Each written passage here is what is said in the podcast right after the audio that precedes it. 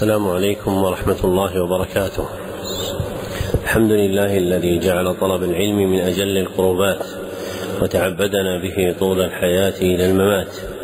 وأشهد أن لا إله إلا الله وحده لا شريك له وأشهد أن محمدا عبده ورسوله صلى الله عليه وسلم ما عقدت مجالس التعليم وعلى آله وصحبه الحائزين مراتب التقديم أما بعد فهذا الدرس الثامن والثلاثون في شرح الكتاب الخامس من برنامج التعليم المستمر في سنته الثالثة اثنتين وثلاثين بعد الأربعمائة والألف وثلاث وثلاثين بعد الأربعمائة والألف. وهو كتاب أعلام السنة المنشورة للعلامة حافظ بن أحمد الحكمي رحمه الله تعالى. وقد انتهى بنا البيان إلى قوله رحمه الله تعالى سؤال ما الواجب لولاة الأمور؟ نعم. بسم الله الرحمن الرحيم. الحمد لله رب العالمين وصلى الله وسلم على نبينا محمد وعلى آله وصحبه أجمعين. أحسن الله إليكم. قال الشيخ حافظ رحمه الله تعالى سؤال ما الواجب لولاة الأمور؟ جواب الواجب لهم النصيحة بموالاتهم على الحق وطاعتهم فيه وأمرهم به وتذكيرهم برفق والصلاة خلفهم والجهاد معهم وأداء الصدقات إليهم والصبر عليهم وإن جاروا وترك الخروج بالسيف عليهم ما لم يظهروا كفرا بواحا وأن لا يغروا وأن لا يغروا بالثناء الكاذب عليهم وأن يدعى لهم وأن لا يغروا يغروا بالثناء. أحسن الله إليكم. وأن لا يغروا بالثناء وأن لا يغروا بالثناء الكاذب عليهم وأن يدعى لهم بالصلاح والتوفيق. تقدم أن المصنف رحمه الله تعالى لما فرغ من بيان أصول الإيمان وهي جملة المعتقد اللازم ذكر تتمات تابعة له. دأب أهل السنة رحمهم الله تعالى على إلحاقها في الكلام في المعتقد من جملتها ما أورده في هذه النبذة مستفتحا إياه بقوله سؤال ما الواجب لولاة الأمور؟ والمراد بولاة الأمور من كان متوليا تدبير شأن من شؤون المسلمين فولي الأمر اسم لمن يتولى تدبير شأن من شؤون المسلمين فأعلاهم الإمام الأعظم وهو الحاكم والناس دونه في ذلك طبقات. فمن ولي ولاية فيها تدبير لشأن المسلمين صار مندرجا في جملة اسم ولي الأمر لكنه لا ينصرف عند الإطلاق إلا إلى الحاكم. أما مع التقييد فإن مدير المدرسة ولي لأمر الطلاب والمدرسين فيها. وكذلك أمير المنطقة هو ولي أمر الخلق فيها دون بقية المناطق. وهلم جرا. والمعروف في خطاب القرآن والسنة إفراد الأمر لا جمعه. فلا يوجد في القرآن ولا السنة ذكر الأمور وإنما يقال ولي الأمر أو ولاة الأمر لأن هذا هو المناسب لما يقصد من اتخاذ ولي الأمر. فإن المراد من اتخاذ ولي الأمر في ولاية صغيرة أو كبيرة هو جمع كلمة المسلمين ودفع التفرق عنهم. فلا يناسب حينئذ للدلالة على هذا المعنى إلا الإفراد دون الجمع. ولذلك قال الله عز وجل وأطيعوا الرسول وأولي الأمر منكم وجاء نظيره في القرآن والسنة وجمعه على إرادة تفرق هذه الولايات وكونها متعددة تحت الحاكم الأعظم سائغ لغة لكنه لم يأتي في الشرع. والقول فيه نظير القول في سبيل الله سبحانه وتعالى فإن الله سبحانه وتعالى أمر باتباع سبيله. ثم قال في آية أخرى يهدي به الله من اتبع رضوانه سبل السلام على وجه الجمع. فكان التأليف بين الإفراد والجمع بأن يقال إن السبيل اسم للصراط المستقيم كله وأن الجمع إشارة إلى الأفراد المتعلقة به. ولو وقع هذا في هذا اللفظ وهو الأمور والأمر لأمكن المصير إلى مثل هذا التأليف.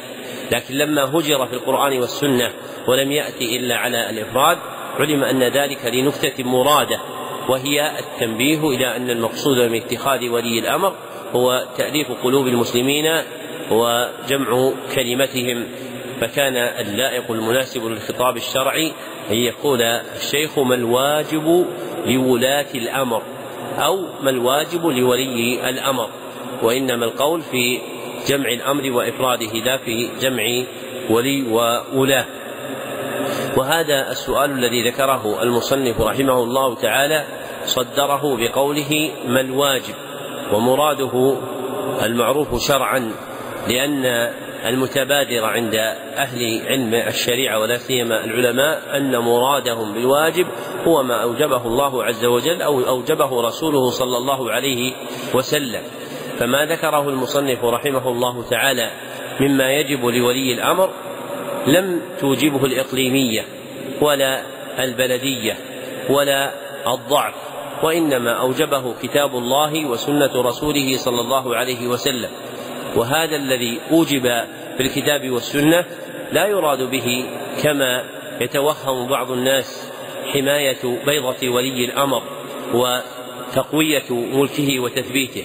وإنما المراد مصالح ولي الأمر والمسلمين جميعا فالمراد بذلك حفظ الدين والدنيا لا ينظر فيه إلى أحد دون أحد ولا يرقب فيه الحكم في برهة من الزمن دون برهة أخرى ومن الوهن الظاهر في فهم الكتاب والسنة وبيان شناعة تسرب أفكار الكفار إلى المسلمين من يظن أن هذا الواجب الذي ذكره المصنف وغيره هو من إملاءات التاريخ السياسي ولذلك يسمون ما يذكر هنا بفقه المشهد السياسي وأن هذه أشياء عظمها الفقهاء تبعا للحال السياسية التي مرت بها الأمة الإسلامية في حال من أحوالها وزمن من أزمانها. حتى قال قائلهم إن كل حاكم في كل زمن يحيط نفسه بأناس من الفقهاء يذكرون الآيات والأحاديث التي تثبت ملكه.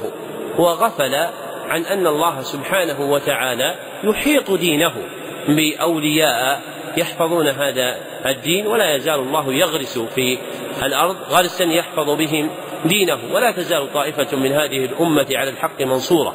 ولو قدر أن حاكما أو حكاما من حكام المسلمين أحاطوا أنفسهم بهالة من الفقهاء التي تقدسهم وتمجدهم وتذكر الآية والأحاديث فمن المقطوع به شرعا أنه سيكون في الأمة من علمائها وفقهائها من استخلفهم الله عز وجل في حفظ الشريعة قائمين بالحجة بين خلق الله عز وجل. وكما يقول هذا القائل إن كل حاكم يحيط نفسه بمن يمجده ويذكر الآيات والأحاديث التي تثبت ملكه يقال له أيضا إن كل حزب وجماعة اليوم تحيط أنفسها بجملة ممن ينسبون إلى الفقه والشريعة وقد لا يكونون من أهلها يخرجون الفتاوى التي تناسب مسار الحزب أو الجماعة. فالتهمة التي تجعل لهؤلاء هي صالحة أن تجعل أن تجعل لهؤلاء. والمخرج بين الطائفتين أن يعلم الإنسان أن الدين دين الله عز وجل وأن الله عز وجل حافظ دينه ولا يمكن أن يجتمع فقهاء الأمة وعلماؤها في زمن من الأزمان على مخالفة أمر الله عز وجل وأن لا يكون في الأرض من يقوم لله عز وجل بالحجة الظاهرة المبينة للأحكام الشرعية. والمقصود أن المذكور في هذا الباب مما ذكره المصنف أو غيره هو كله بدلائله من الكتاب والسنة فليس مخرجا من مخرجات التاريخ السياسي كما يقوله بعض الناس من المثقفين وغيرهم وإنما هذه دلائل القرآن والسنة كما سيذكرها المصنف رحمه الله تعالى في سؤال مستقبل مع جوابه ولكن صدور بعض الناس ضاقت عن الكتاب والسنة ووجدت ملاذها الآمن في كتابات الشرقيين والغربيين فهي تستمطر من زبلات أذهانهم وحثلات أفكارهم ما تهيج به الجماهير وتسير به خطابها وتكسب به جمهورها. ولكن الله سبحانه وتعالى يحفظ دينه فيبقاه ناصعا ظاهرا أبيض لا يمكن لأحد أن يلطخه بسواد. والخوف على القلب أن يلطخ بسواد إذا أشرب بمثل هذه المقالات. وقد رأينا في الناس من صار صدره يضيق بالآي والقرآن إذا قرئ عليه.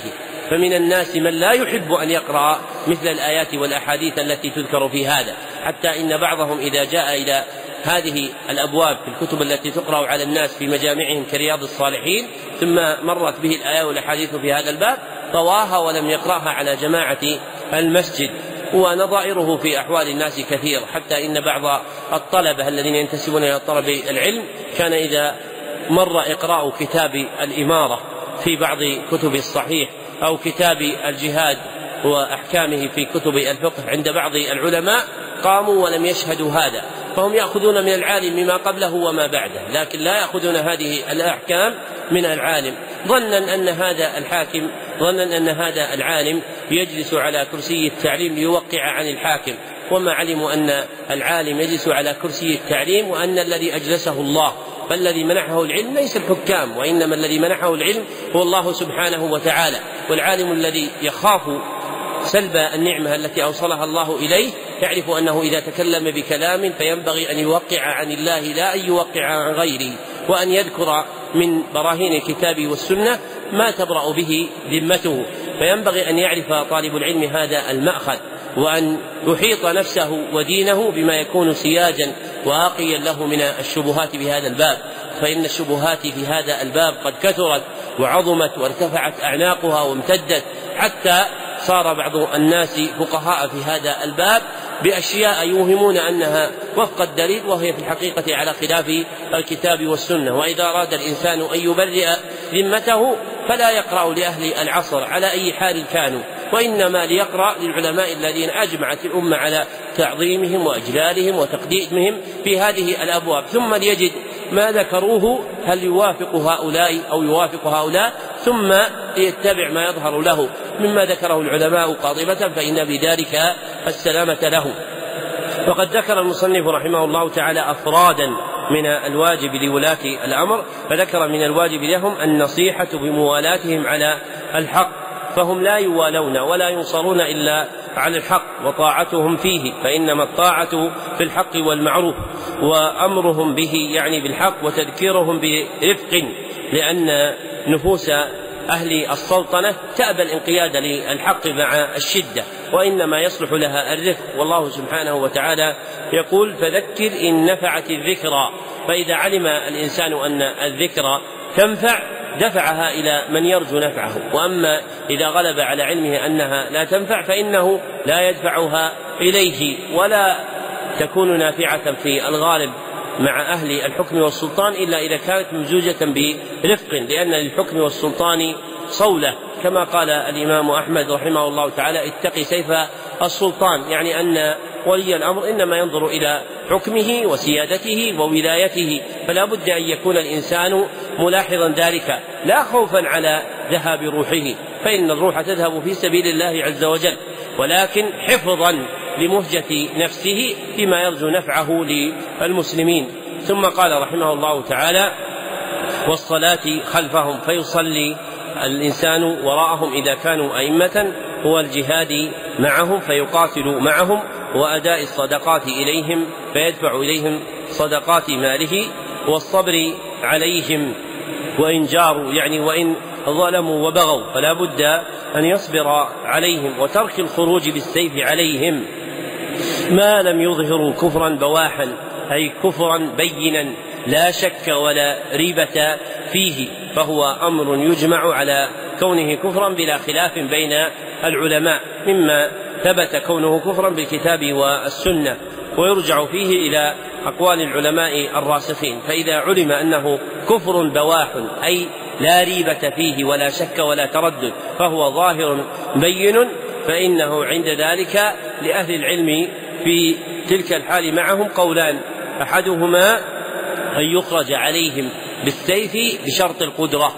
أن يخرج عليهم بالسيف بشرط القدرة.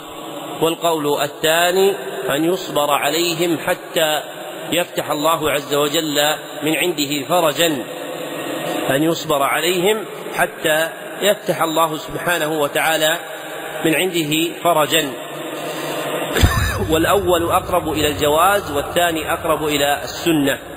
فإن الأول يكون جائزا. وأما الظاهر أن السنة المستحبة هو أن يصبر الناس حتى يكتب الله عز وجل لهم مخرجا. وكل ذلك كما سبق بشرط أن يكون لهم قدرة مع تحقق الكفر البواح الظاهر الذي لا ريبة فيه بحكم العلماء الراسخين لا بحكم الدهماء والغوغاء وأنصاف المتعلمين. ثم ذكر من الواجب لهم ألا يغروا بالثناء الكاذب عليهم بأن يذكر فيهم ما ليس فيهم. فيذكر أنهم فعلوا وفعلوا وفعلوا أشياء يعلم السامع أن ذلك كذب وهذا من التغرير بهم وإقحامهم أمورا لا علم لهم بآخرها. وهذه مطية ركبها من ركبها كما أن مطية التهييج والخروج ركبها من ركبها. وهذه حال الأمة لا تخرج فيها باقعة إلا وتقابلها باقعة أخرى. فكما صار في الناس من يغمز ويلمز في ولاة أمرهم صار فيهم أيضا من يبذل لهم الثناء الكاذب والمدح الزائف يستمطر به حظا من الدنيا. فكل هؤلاء وهؤلاء على غير الجادة السوية. وأن يدعى لهم بالصلاح والتوفيق لأن صلاحهم صلاح للمسلمين كما أن في فسادهم بلاء على المسلمين. وقد جاء عن الفضيل بن عياض والإمام أحمد أن لو كانت لي دعوة مستجابة لجعلتها للإمام كما ذكر ذلك أبو العباس بن تيمية وغيره. نعم. أحسن الله إليكم سؤال ما الدليل على ذلك؟ جواب. الأدلة على ذلك كثيرة منها قوله تعالى يا أيها الذين آمنوا أطيعوا الله وأطيعوا الرسول وأولي الأمر منكم. الآية وقول النبي صلى الله عليه وسلم اسمعوا وأطيعوا وإن تأمر عليكم عبد.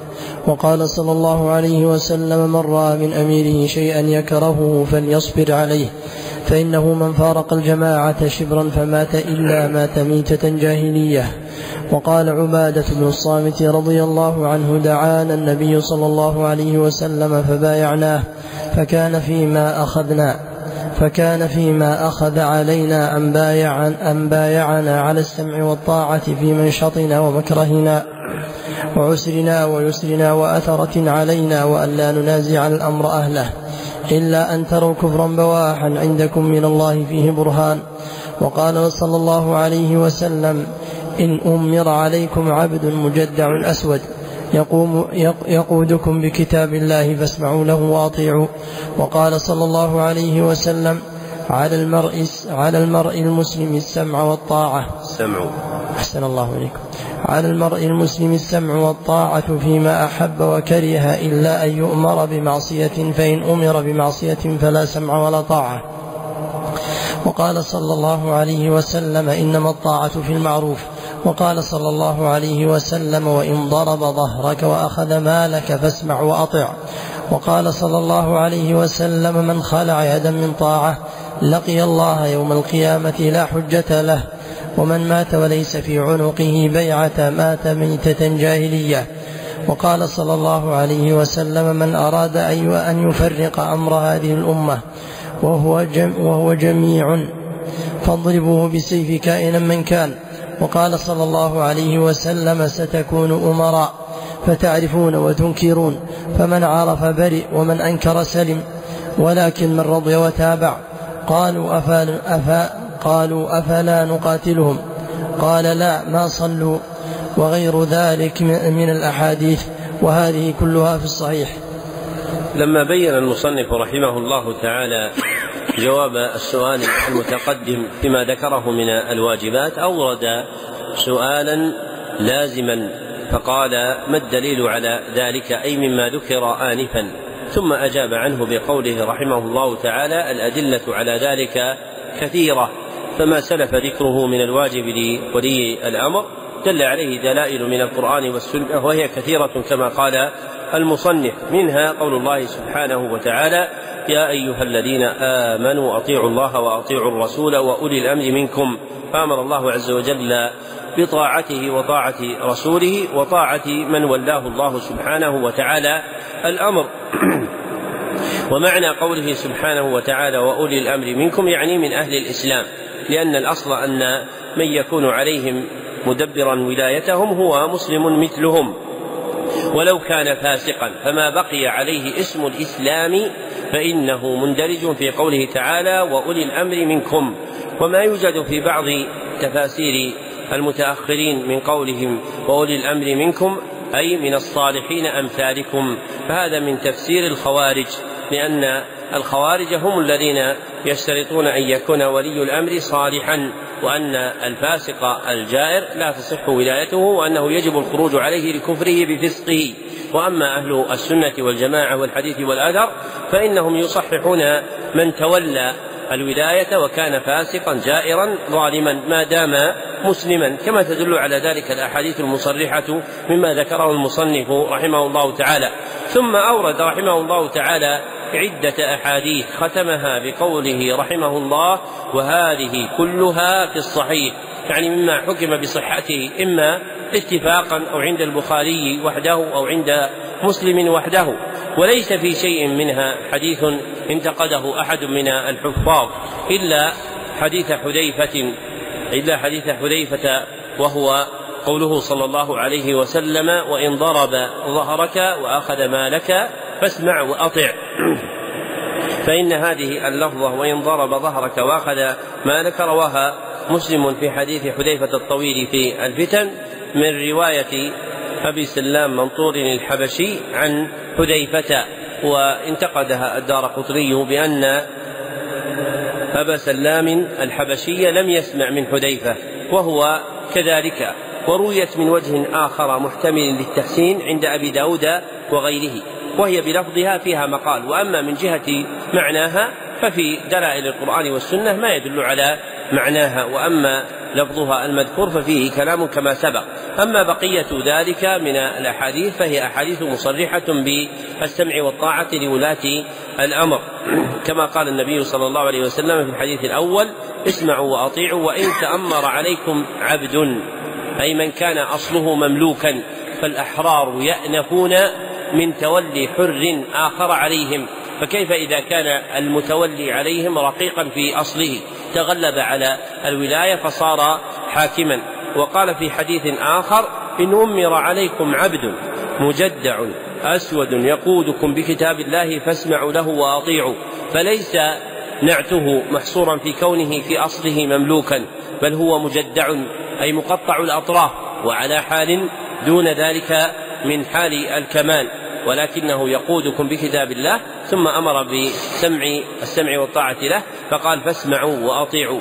وقال في الحديث التالي من رأى من أميره شيئا يكرهه فليصبر عليه فإنه من فارق الجماعة شبرا فمات إلا مات ميتة جاهلية. يعني على حال أهل الجاهلية لأن أهل الجاهلية لم يكونوا يلتزمون ببيعة لأحدهم. وهذه إحدى المسائل الكبار التي خالف فيها النبي صلى الله عليه وسلم أهل الجاهلية وبها صدر إمام الدعوة رسالته المعروفة مسائل الجاهلية.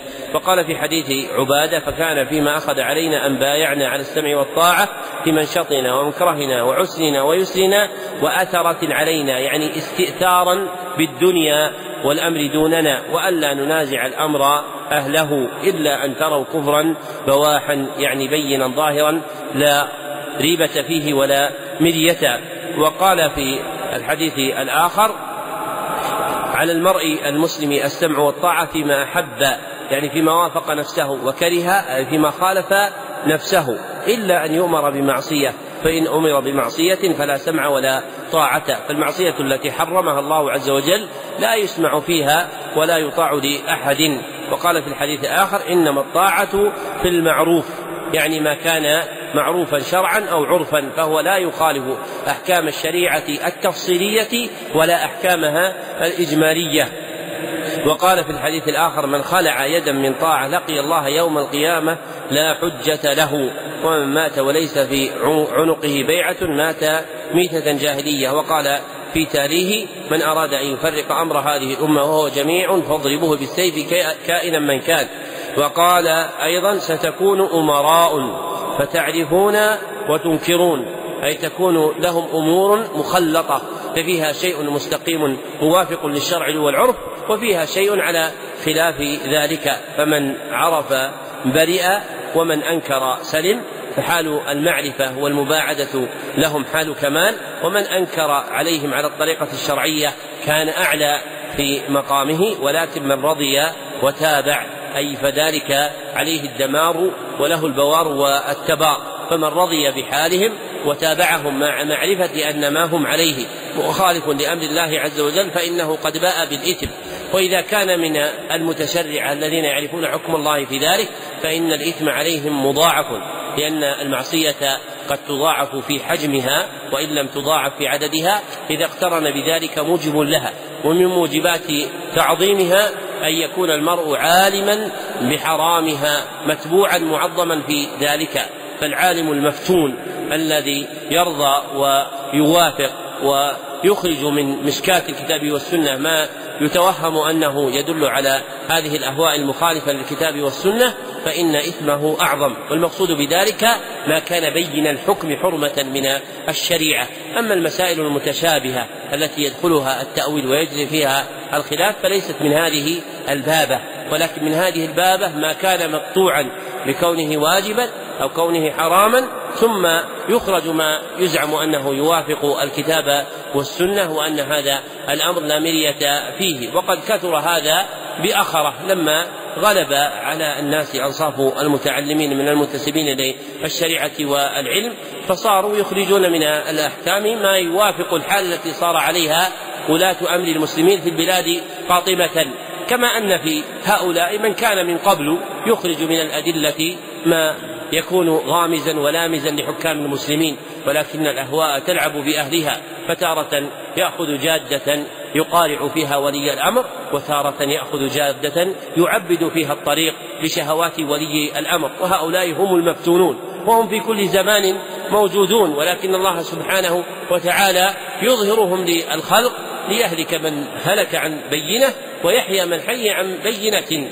ومن عرف تاريخ الناس قديما وحديثا وجد أمثال هؤلاء. فينبغي للإنسان أن يصون نفسه ودينه أن يكون تابعا أو متبوعا في مثل هذه الجواد المهلكة.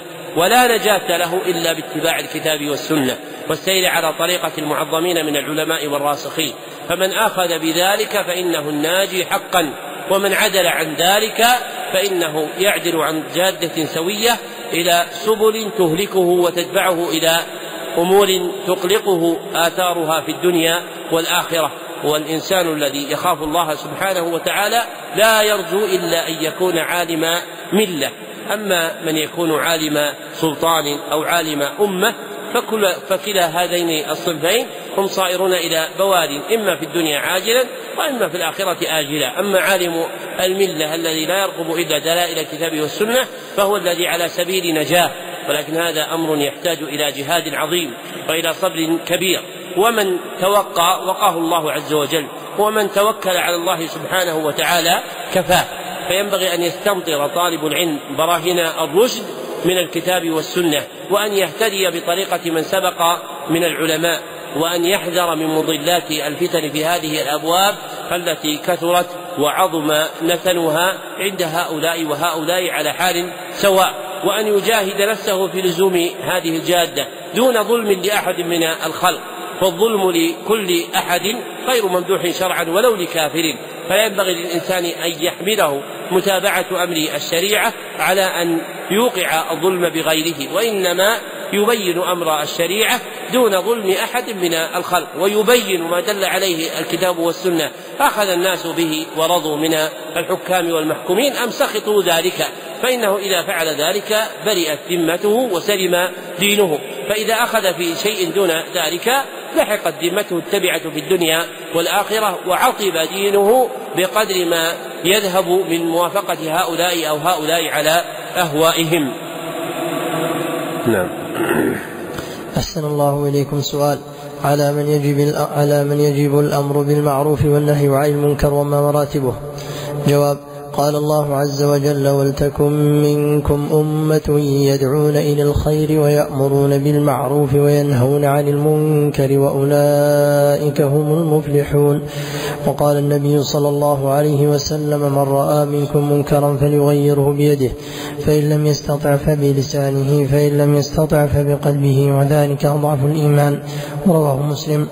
وفي هذا وفي هذا الباب من الآيات القرآنية والأحاديث النبوية ما لا يحصى وكلها تدل على وجوب الأمر بالمعروف والنهي عن المنكر. على كل من رآه لا يسقط عنه إلا أن يقوم به غيره. كل بحسبه وكلما كان العبد على ذلك أقدر وبه أعلم. كان عليه أوجب وله ألزم. ولم ينج عند نزول العذاب بأهل المعاصي إلا الناهون عنها. وقد أفردنا هذه وقد أفردنا هذه المسألة برسالة بها وافية ولطالب الحق كافية ولله الحمد والمنة. لما ذكر المصنف رحمه الله تعالى ما سلف مما يجب لولي الأمر أتبعه بسؤال عظيم يتعلق بالأمر بالمعروف والنهي عن المنكر للتنبيه إلى أن القيام بهذه الشعيرة لا يخالف ما سبق ذكره من أصل أصيل. من طاعة ولي الأمر فيما أمر الله سبحانه وتعالى به. فإذا كان ولي الأمر أمر بأمور متعددة في شؤون الحياة فإن الله عز وجل ورسوله صلى الله عليه وسلم أمر بأصل عظيم في حفظ الدين. وهو الأمر بالمعروف والنهي عن المنكر. ولا يمكن أن يكون فيما أمر به الله عز وجل أو ما أمر به رسوله صلى الله عليه وسلم ما يضاد بعضه بعضا بل كلاهما على جادة سواء. فما سلف من الأمر بطاعة ولي الأمر والسمع له إنما يكون في المعروف. فإن كان في معصية لم يسمع ولم يطع لهم. وكذلك الأمر بالمعروف والنهي عن المنكر إنما يكون الإتيان به على جادة شرعية لا على ما تجبه الأهواء والآراء. فمن جاء به على الجادة الشرعية سلم ومن خرجت به الأهواء والآراء إلى خلاف الجادة الشرعية فإنه قد باء بإثمه وإن سماه أمرا بالمعروف ونهيا عن المنكر فإن المعتزلة جعلوا من أصولهم الخمسة الأمر بالمعروف والنهي عن المنكر ومع ذلك هم معدودون فيه في مخالفة الكتاب والسنة والخروج عن جماعة المسلمين. لكن من أقام هذه الشعيرة على ما أمر الله سبحانه وتعالى لم يكن منازعا ولي الأمر بما أوجب الله عز وجل من طاعته. وقد سأل المصنف رحمه الله تعالى عن ذلك سؤالا فقال على من يجب الأمر بالمعروف والنهي عن المنكر وما مراتبه؟ ولم يذكر رحمه الله تعالى الحد الذي يتبين به شرعا اسم المعروف واسم المنكر. وسلف القول بأن المعروف شرعا اسم جامع لكل ما عرفه الشرع. اسم جامع لكل ما عرفه الشرع بالأمر به. اسم جامع لكل ما عرفه الشرع بالأمر به. فالمعروف لا يكون إلا مامورا به إما أمر إيجاب أو أمر استحباب. وأما المنكر شرعا فهو اسم جامع لكل ما أنكره الشرع. اسم جامع لكل ما أنكره الشرع بالنهي عنه. اسم جامع لكل ما أنكره الشرع بالنهي عنه على وجه إيش؟ الإلزام يعني التحريم. على وجه التحريم على وجه التحريم. فعلم بهذا أن المكروه ليس من المنكر وإنما يتعلق المنكر بالمحرمات. ثم أجاب المصنف رحمه الله تعالى عن السؤال الذي أورده قائلا قال الله عز وجل ولتكن منكم أمة يدعون إلى الخير ويأمرون بالمعروف وينهون عن المنكر وأولئك هم المفلحون وهذه الآية أصل عظيم في الأمر بالقيام بالأمر بالمعروف والنهي عن المنكر. وقوله تعالى ولتكن منكم تبعيضية في أصح قولي أهل العلم. فلا بد أن يكون في المسلمين من يقوم بهذا الفرض الذي هو من فروض الكفاية عليهم. فإذا كان فيه من يأمر بالمعروف وينهى عن المنكر ويدعو إلى الخير مع الكفاية فقد سقط الإثم عنهم. أما إن كان فيهم من لا تقوم به الكفاية تقوم به الكفاية أو لم يكن فيهم من يدعو إلى الخير ولا يأمر بالمعروف ولا ينهى عن المنكر فإنهم آثمون جميعا بترك ذلك. ثم ذكر حديث أبي سعيد الخدري رضي الله عنه في صحيح مسلم المبين لوجوب النهي عن المنكر فقال وقال النبي صلى الله عليه وسلم من رأى منكم منكرا فليغيره بيده فإن لم يستطع فبلسانه فإن لم يستطع فبقلبه وذلك أضعف الإيمان. وهذا الحديث أصل في بيان وجوب النهي عن المنكر وبيان مراتبه وانها ثلاث الأولى التغيير باليد لمن كان من أهله ممن له ولاية كحاكم أو من ينوبه. والثاني التغيير باللسان. والثالث التغيير بالقلب. والمراد بالتغيير بالقلب كراهة المنكر وبغضه والنفرة منه. فإذا وجد هذا المعنى في القلب كان كافيا في في إنكار المنكر. ولا يشترط تمعر الوجه يعني تغيره. فإن تغير الوجه شيء قد يأتي وقد لا يأتي. وإنما الذي يشترط هو وجود بغض ذلك المنكر في القلب عند عدم القدرة على تغييره باللسان باليد ولا باللسان. ثم ذكر المصنف رحمه الله تعالى أن في هذا الباب من الآيات القرآنية والأحاديث النبوية ما لا يحصى وقد أفرده المصنفون بالتأليف قديما وحديثا وكلها تدل على وجوب الأمر بالمعروف والنهي عن المنكر على كل من رآه لا يسقط عنه إلا أن يقوم به غيره كل بحسبه وكل ما كان العبد على ذلك أقدر به أعلم كان عليه أوجب وله ألزم. فيجب على العبد أن يكون آمرا بالمعروف ناهيا عن المنكر بقدر الوسع والطاقة بحسب ما يتهيأ له من القدرة والمكنة والولاية. ولا يجوز له أن يسكت عن شيء من ذلك يمكنه إزالته أو يمكنه إقامته من المعروف. فمن كانت له قدرة على إقامة المعروف وجب عليه أن يقيمه. ومن كانت له قدرة على النهي عن المنكر وجب عليه أن ينهى عن المنكر.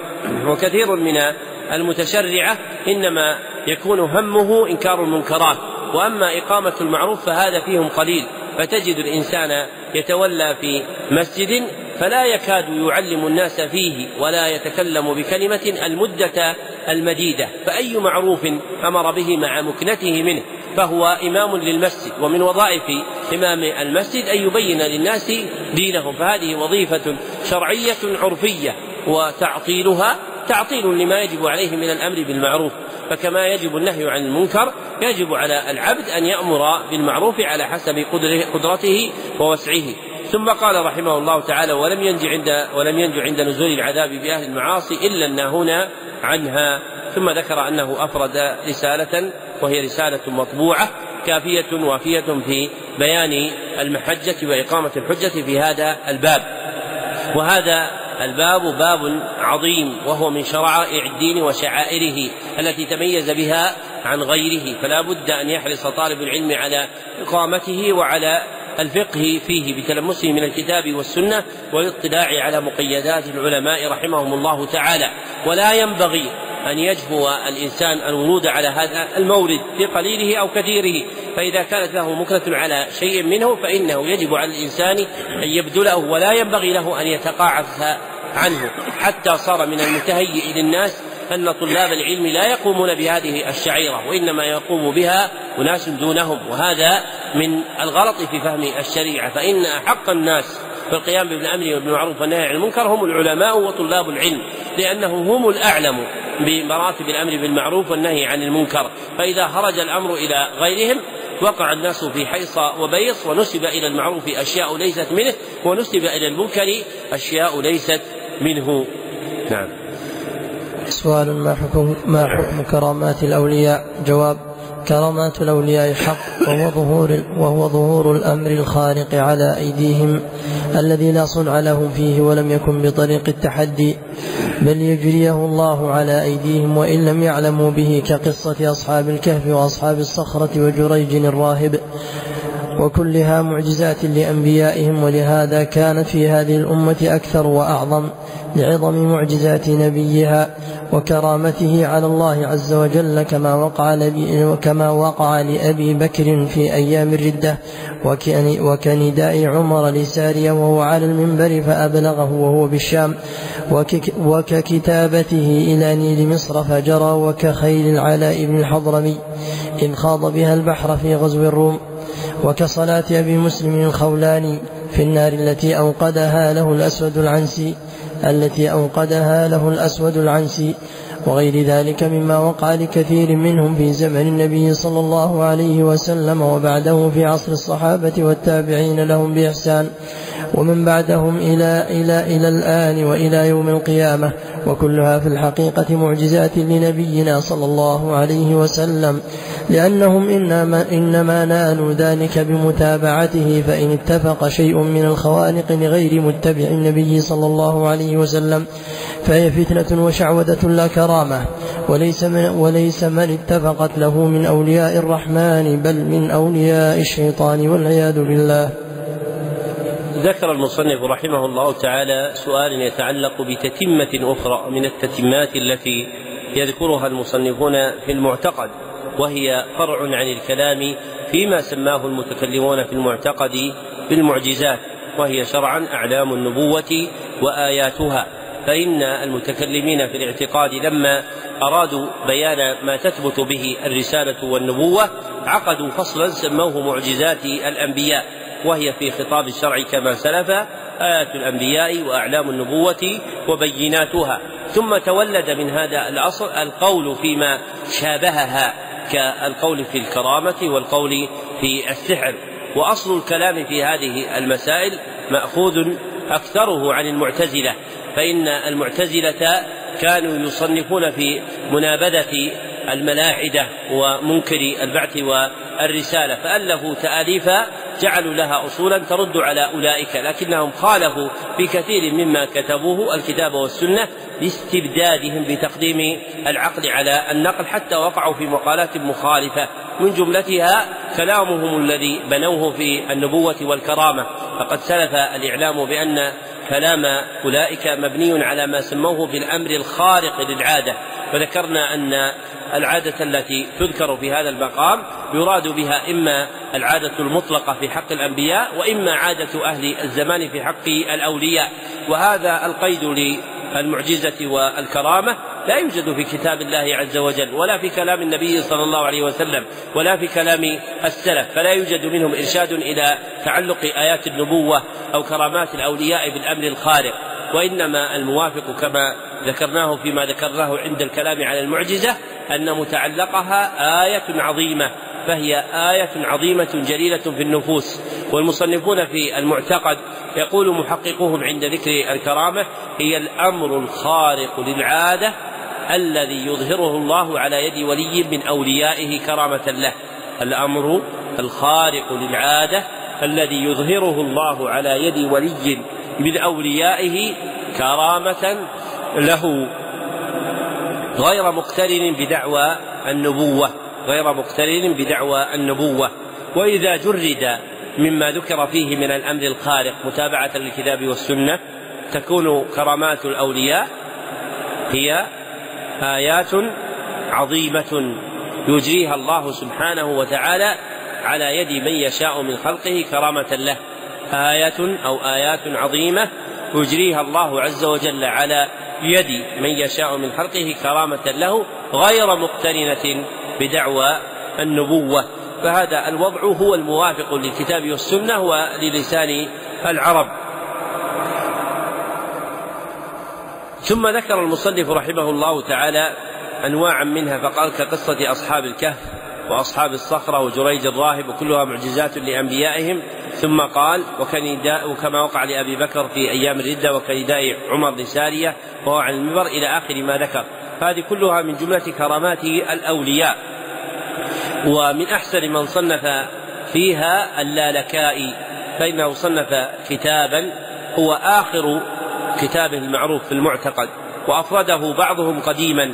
فيذكرونه باسم كرامات الأولياء للالكائي وهو مطبوع مفردا ومجموعا فهو من أحسن الكتب التي جمعت كرامات الأولياء في هذه الأمة وفي الأمم السابقة. وكرامات الأولياء يرجع جماعها كما ذكره أبو العباس بن تيمية الحفيد إلى نوعين. أحدهما كرامات تتعلق بأنواع العلوم والمكاشفات. كرامات تتعلق بأنواع العلوم والمكاشفات. والثاني كرامات تتعلق بأنواع القدرة والتأثيرات. كرامات تتعلق بأنواع القدرة والتأثيرات. ومن قواعد هذا الباب التي ذكرها المعتزلة ومن تبعهم وهي أصل صحيح أن ما يجري من الكرامات يعد معجزة للنبي الذي يكون ذلك الولي من أتباعه فتكون تابعة لأعلام النبوة وهذا أمر صحيح. ولأجل ذلك صارت الكرامات في هذه الأمة أكثر وأعظم لعظم أعلام نبوة نبيها صلى الله عليه وسلم ولجلالة قدره عند ربه سبحانه وتعالى فكلها في الحقيقة معجزات على قولهم وأعلام وآيات بينات للنبوة على الصحيح لنبينا صلى الله عليه وسلم لأن هؤلاء ما نالوا ذلك إلا بمتابعته صلى الله عليه وسلم. ثم قال المصنف رحمه الله تعالى في آخر كلامه فإن اتفق شيء من الخوارق لغير متبع النبي فهي فتنة وشعوذة لا كرامة. وهذا هو الحد الفاصل. بين كرامات الأتقياء وشعوذات الدجالين. فإن ما يجري من الخوارق إذا كان على يد متبع فهو كرامة. وأما إذا كان على يد مخالف للنبي صلى الله عليه وسلم فهو فتنة وشعوذة وسحر. وهذا الباب التبس بعضه ببعض عند المعتزلة فكثر كلامهم للتفريق بين أعلام النبوة وأحوال السحرة والدجالين وما يجري من الكرامات على الأولياء حتى أفضى بهم إلى القول بإنكار السحر. كما هو معروف من مقالاتهم. وأما أهل السنة فأخذوا طريقا صحيحا في كل باب من هذه الأبواب التي تشترك فيما سموه بالخارق للعادة وتشترك عند أهل السنة فيما يسمى بالآية العظيمة الجلية. ثم قال وليس من اتفقت له من أولياء الرحمن بل من أولياء الشيطان فمن جرى له ذلك وهو على حال بغيضة مباعدة للكتاب والسنة فهذه من خوارق الشياطين وأراجيفها وألاعبها بالخلق. ولأبي العباس بن تيمية رحمه الله تعالى كتاب حافل اسمه الفرقان بين أولياء الرحمن وأولياء الشيطان وهو كتاب عظيم النفع. والناس تشتد حاجتهم إليه بأخرة فإن من بواقع هذا الزمن مع ضعف التوحيد والدين أن بدأت هذه الأمور التي كان يذكرها أبو العباس ابن تيمية فيعجب الإنسان منها صارت تسمع ها هنا وها هنا في أطراف البلاد. مما يدل على أن تلاعب الشيطان لا يزال بالناس شيئا فشيئا حتى يردهم إلى ما كانوا عليه من الشرك الأعظم كما صحت بذلك الأخبار عن النبي صلى الله عليه وسلم. فإن ما تسمعه اليوم من أنباء خفية عن بعض ما يس عن بعض من يستعين بالجن هو حذو القدة بالغدة مما ذكره أبو العباس لما ذكره أبو العباس ابن تيمية في كتابه من تلاعب الشياطين بأوليائهم. ينبغي أن يجود الإنسان تحصين إيمانه للتفريق بين أولياء الشيطان وأولياء الرحمن. فإنك لن تبلى بولي شيطاني مباعد في صورته بل ستجد من يظهر اتباع السنة وتجد في ظاهره لحية وإظهارا للدين وهو في باطنه على مخالفة الشريعة. ممن صار يعظم الشياطين ويتبعها ويسمي ذلك استعانة بهم في الأمور المباحة. وتحفظ عنهم في خلواتهم أمور قبيحة تدل على أنه من تلاعب الشيطان بهم. وإذا استمر هذا الأمر فسيرجع إلى الأحوال الشيطانية التي ذكرها أبو العباس وربما أشد منها لأن إذا كان الناس يرذلون من بني آدم في نقص إيمانهم فإن الشياطين أولى أن ترذل وأن يكون في متبردة الشياطين من المتأخرين ما لم يكن في الأولين. فلا بد أن يكون طالب العلم على بينه ظاهرة بالتفريق بين أولياء الشيطان وأولياء الرحمن وأن لا تروج عليه الاعيب الشيطان. كما راجت على أناس فتنتهم في دينهم كما ذكر ذلك العلامة محمود التويجري في آخر كتابه الرؤيا ممن زين لهم في أشياء يرونها في المنام أنهم يخرجون بخلافة إسلامية ويعيدون الناس إلى ما كانوا عليه فوقعوا في مواقع عظيمة من تلاعب الشياطين بهم في أحلامهم التي يرونها في منامهم حتى جعلوها حقيقة وتعبدوا الله عز وجل بها في الأمور الظاهرة ويسمع الإنسان في الناس من هذه الأنباء ما لا يزال إلى يومنا هذا. نعم. أسأل الله إليك. سؤال من هم أولياء الله؟ جواب هم كل من آمن بالله واتقاه واتبع رسول الله صلى الله عليه وسلم. قال الله تعالى ألا إن أولياء الله لا خوف عليهم ولا هم يحزنون. ثم بين, ثم بينهم فقال الذين آمنوا وكانوا يتقون.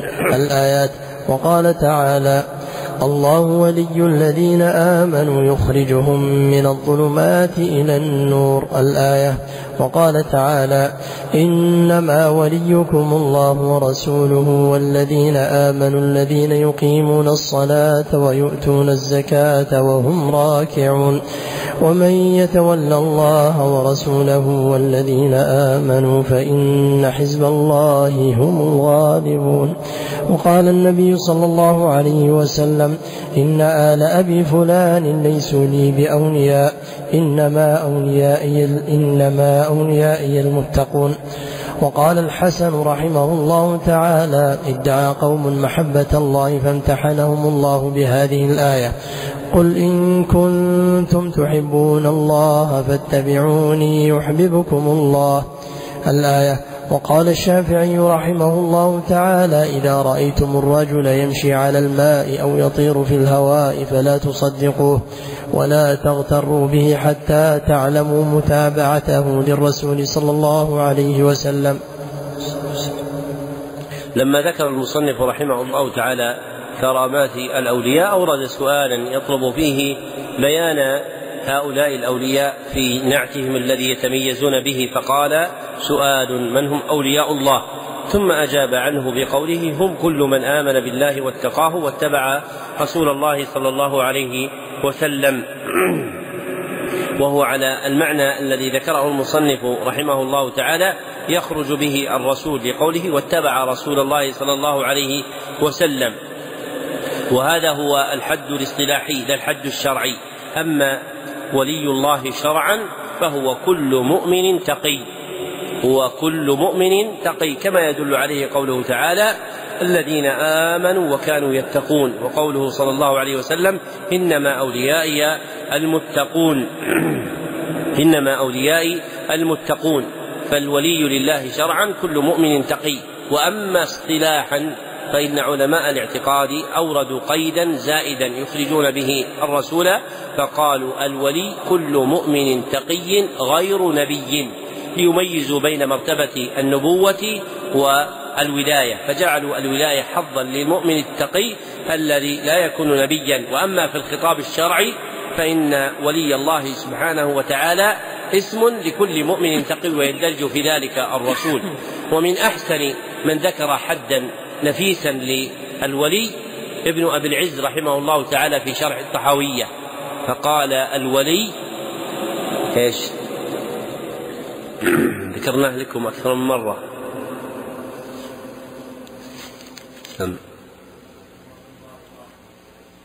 بموافقة محبوباته والتقرب إليه بمرضاته. أحسنت.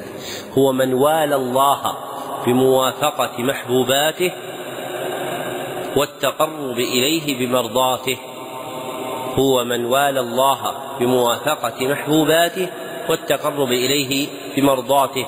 هذا من أحسن ما ذكره أهل العلم في حد الولي لله عز وجل شرعا. ثم ختم المصنف رحمه الله تعالى ما أورده من الأدلة بقول الحسن البصري ادعى قوم محبة الله فامتحنهم الله بهذه الآية قل إن كنتم تحبون الله فاتبعوني يحببكم الله. تنبيها إلى أن ولي الله سبحانه وتعالى لا بد أن يكون كما ذكر ابن أبي العز موافقا لله في محبوباته متقربا إليه بمرضاته. وكان الحسن البصري يسمي هذه الآية آية المحنة لأن الله عز وجل امتحن الخلق بها. ومن بدائع ابن القيم رحمه الله تعالى قوله لما كثر المدعون للمحبة طولبوا بإظهار الحجة فقال الله تعالى قل إن كنتم تحبون الله فاتبعوني يحببكم الله انتهى كلامه يعني أن الحجة في صدق المحبة لله عز وجل هو طاعة الرسول صلى الله عليه وسلم. ثم أورد كلام الشافعي في التمييز بين المحق والمبطل في هذا الباب فقال إذا رأيتم الرجل يمشي على الماء أو يطير في الهواء فلا تصدقوا ولا تغتروا به حتى تعلموا متابعته للرسول صلى الله عليه وسلم. أي فإن كان متابعا للرسول صلى الله عليه وسلم فمثل ذلك يحتمل الكرامة والولاية. وأما إن كان مخالفا للنبي صلى الله عليه وسلم فإن ذلك من فعل أهل المخرقة والشعوذة. وإذا كان هذا في أمر عظيم فما بالك بأمور دونها؟ صار الناس يرونها فتأخذ بعقولهم ولا يمرون ما يسمعون من الكلام على ميزان الكتاب والسنة. فيعظمون أحدا من الخلق ويرفعونه فوق قدره اغترارا بحاله التي لو أمروها على الكتاب والسنة لكان مباينا لطريقة الكتاب والسنة. ومن الأبيات السيارة في هذا المعنى قول الأخضري رحمه الله تعالى في الروضة الأنسية والحضرة القدسية. أظنها هذا اسمها. حفظت منها أبيات قديم لكن أظنها الروضة الأنسية والحضرة القدسية. وهي منظومة لعبد الرحمن الأخضر في التصوف وفيها أبيات جميلة. منها هذان البيتان التي ذكرها جماعة من أهل السنة وهي قوله إذا رأيت رجلا إيش؟ يطير. وفوق ماء البحر قد يسير. إذا رأيت رجلا يطير. وفوق ماء البحر قد يسير. ولم يقف عند حدود الشرع فإنه مستدرج وبدعي ولم يقف عند حدود الشرع فإنه مستدرج وبدعي إذا رأيت رجلا يطير وفوق ماء البحر قد يسير ولم يقف عند حدود الشرع فإنه مستدرج وبدعي. نعم. هذا نظم يعني كلام الشافعي رحمه الله تعالى. نعم. أحسن الله إليكم. سؤال من هي الطائفة التي عناها النبي صلى الله عليه وسلم بقوله لا تزال طائفة من أمتي على الحق ظاهرة لا يضرهم من خالفهم حتى يأتي أمر الله تبارك وتعالى جواب هذه الطائفة هي الفرقة الناجية من الثلاث وسبعين فرقة كما استثناها النبي صلى الله عليه وسلم من تلك الفرق بقوله كلها في النار إلا واحدة وهي الجماعة وفي رواية قال هم من كان على مثل ما أنا عليه اليوم وأصحابي نسأل ختم الله. ختم المصنف رحمه الله تعالى بهذا السؤال العظيم فقال سؤال من هي الطائفة التي عناها النبي صلى الله عليه وسلم بقوله لا تزال طائفة من أمتي على الحق ظاهرة لا يضرهم من خالفهم حتى يأتي أمر الله تبارك وتعالى. وإنما ختم بهذا السؤال تنبيها إلى أن ما ذكر في هذا الكتاب من أصول المعتقد جار على ما أشار إليه النبي صلى الله عليه وسلم من حال هذه الطائفة المنصورة والفرقة الناجية. ثم أجاب عنه بقوله رحمه الله تعالى هذه الطائفة هي الفرقة الناجية من الثلاث وسبعين من الثلاث وسبعين فرقة. فهي الطائفة المنصورة كما أخبر عنها النبي صلى الله عليه وسلم وهي الفرقة الناجية كما أخبر عنها النبي صلى الله عليه وسلم في حديث الافتراق المشهور من حديث جماعة من الصحابة. وفيه قوله صلى الله عليه وسلم كلها في النار إلا واحدة. وهي الجماعة. وفي رواية عند الترمذي وغيره قال هم من كان على مثل ما أنا عليه اليوم وأصحابي وفي إسنادها ضعف. والوارد عن النبي صلى الله عليه وسلم مما ثبت في تبيين وصف هؤلاء وصفان اثنان أحدهما الجماعة والثاني السواد الأعظم. فأما الجماعة فمروي في أحاديث كثيرة وأما السواد الأعظم فمروي في حديث أبي أمامة عند أحمد بسند حسن. وأما نعتهم بأنهم من كان على مثل ما كان عليه النبي صلى الله عليه وسلم وأصحابه فهذا صحيح دراية. وأما رواية فالرواية الواردة في ذلك ضعيفة ولا تثبت عن النبي صلى الله عليه وسلم. وها هنا إشكال حقيق بالحل وهي أن المصنف رحمه الله تعالى قال هذه الطائفة هي الفرقة الناجية والله سبحانه وتعالى يقول في سورة التوبة قال فلولا نفر من كل فرقة منهم طائفة. فجعل الطائفة بعض الفرقة فجعل الطائفة بعض الفرقة. فعلى ذلك تكون هناك فرقة ناجية وتكون منها طائفة منصورة. وهذا يخالف جوابه إذ جعلهما وصفان لمسمى واحد. أو اسمان لمسمى واحد. فقال هذه الطائفة فهي الفرقة هي الفرقة الناجية. واضح الإشكال؟ يعني على كلام المصنف لو قدروا أنهم ها هنا فإنهم يسمون فرقة ناجية ويسمون أيضا طائفة منصورة وهم هم.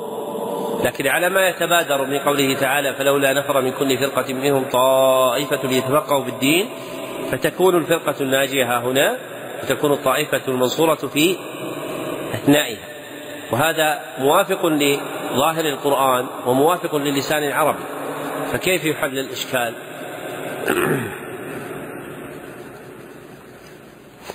واضح الإشكال ولا غير واضح؟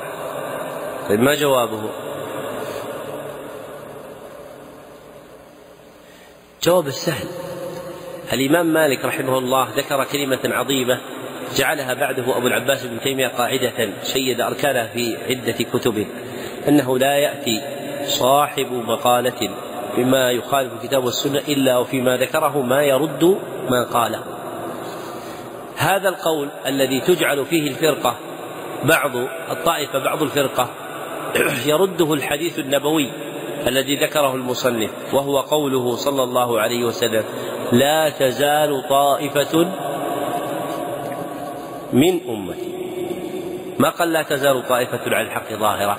قال طائفة من أمتي. فهي طائفة بالنسبة للأمة. كما أن الفرقة الناجية ناجية بالنسبة لمن؟ للأمة. فهي ناجية بالنسبة للفرق وطائفة بالنسبة للأمة. فهي اختلاف عبارات لاختلاف اعتبارات. اختلاف عبارات لاختلاف اعتبارات. سميت طائفة لما كانت مأخوذة في العد من الأمة وسميت فرقة ناجية لما كانت مأخوذة في العد من فرق الأمة. واضح الحل؟ حل الإشكال؟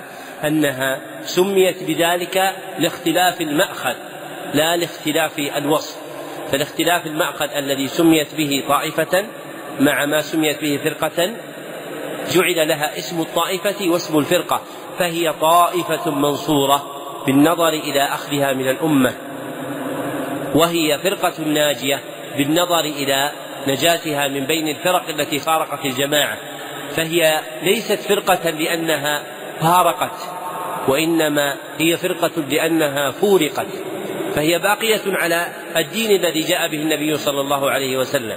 لكن لما انقسمت فرق الأمة عنها فرقة فرقة كان الباقي من هذه الفرق فرقة واحدة هي الجماعة لأنها باقية على ما كان عليه النبي صلى الله عليه وسلم. فحينئذ تكون يكون اسم الفرقة الناجية والطائفة المنصورة والجماعة والسواد الأعظم أسماء لمسمى واحد. كما يقال إن الله والرحيم والكريم والعليم والحليم كلها أسماء لمسمى واحد هو ربنا سبحانه وتعالى لكن لاختلاف متعلق الوصف في كل اسم عبر بهذا الاسم مرة وعبر بهذا الاسم مرة وعبر بهذا الاسم مرة. فكذلك عندما قيل فيها الفرقة الناجية أو الطائفة المنصورة أو المسلمون أو الجماعة أو المؤمنون كلها أسماء لمسمى واحد لكن اختلف هذا الاسم باعتبار الصفة التي أليط بها وعلق بها فجعل تارة لها اسم باعتبار وجعل لها اسم باعتبار وجعل لها اسم باعتبار. ومتى رعى الإنسان في فهمه الجمع بين دلائل القرآن والسنة؟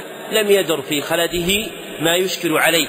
لكن إذا استرسل الإنسان في الذهاب بذهنه كيفما غدا به في أودية الفكر خرج إلى مثل هذه المقالات. ولا بد أن يكون الإنسان في فهمه لهذه المسائل مقتديا بطريقة من قبله.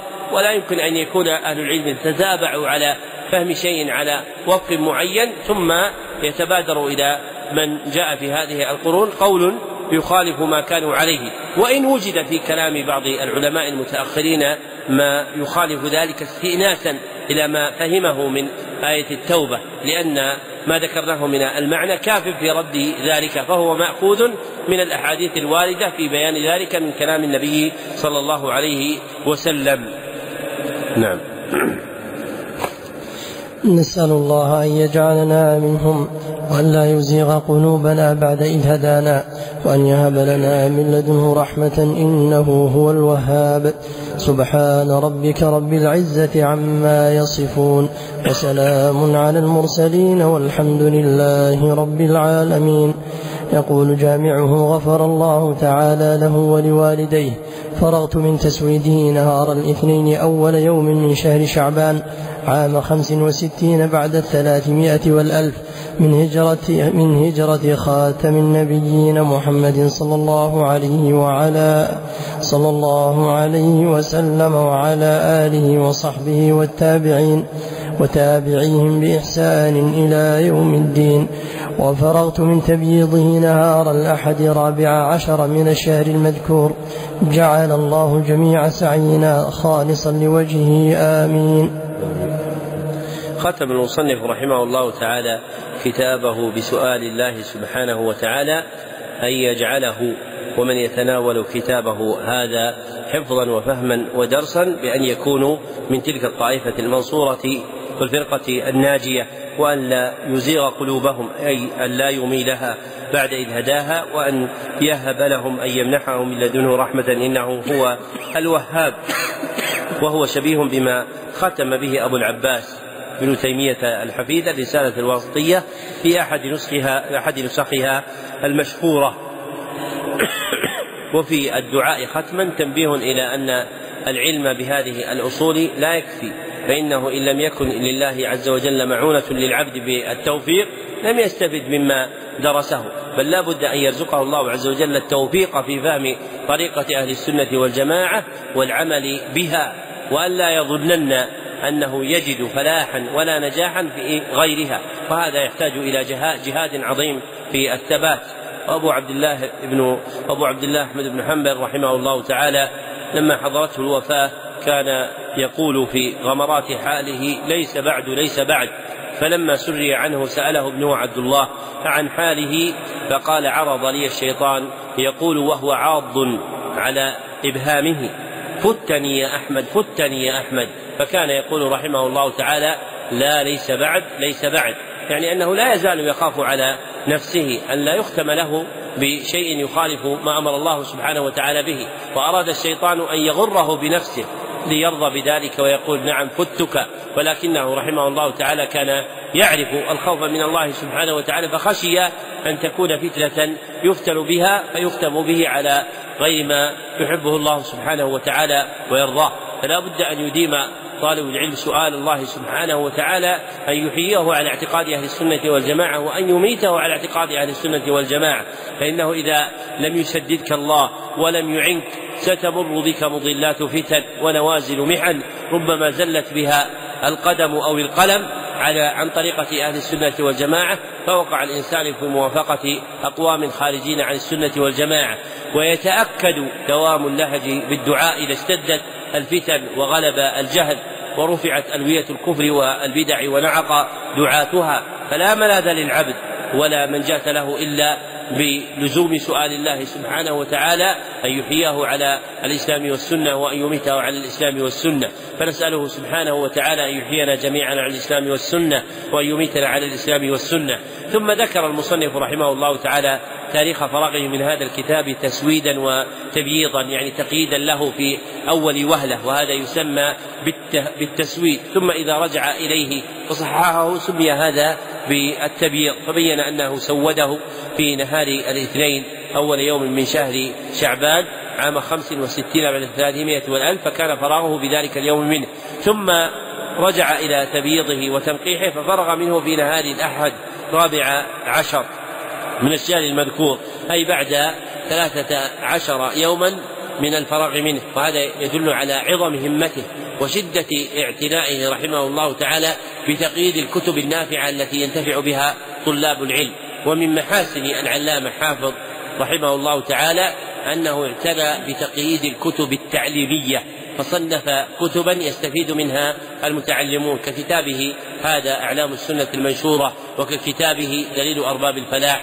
إلى فن الاصطلاح وكغيره من كتبه فالغالب على كتبه أنها أسست للمعونة في تعليم الناس فكانت مناهج للتعليم. تخرج بها طائفة كثيرة من العلماء في زمانه رحمه الله تعالى وانتفع الناس بها من بعده إلا أنه مات صغيرا ولم يطل الانتفاع به وبقيت هذه الكتب من بعده نافعة. وهذا يبين أن من أراد نفع الناس في التصنيف والتأليف فعليه أن يتلبس حاجاتهم. فإذا وجد حاجة من الحوائج لهم صنف فيها وأشد الحاجة حاجة المتعلمين. فإذا كان للإنسان قدرة أن يصنف فيما ينفع في فهم علم من علوم الشريعة فعليه أن يجتهد في نفع نفسه وإخوانه فإن نفع ذلك عظيم. وبهذا الدرس الأخير نكون قد ختمنا بحمد الله ومنه وكرمه كتابا آخر وهو الكتاب الخامس من كتب المرحلة الأولى ولم يبقى بحمد الله عز وجل إلا كتابين هما فتح الرحيم الملك العلام وبلوغ القاصد جل المقاصد وسنأتي عليهما بعون الله عز وجل في مستقبل الأيام. فيكون الدرس القادم بإذن الله سبحانه وتعالى في الكتابين الباقيين ويجعل درس الفقه في المدة الأولى التي بين المغرب والعشاء. ويجعل درس التفسير في المدة الثانية التي بعد العشاء حتى نستوفيه بإذن الله سبحانه وتعالى.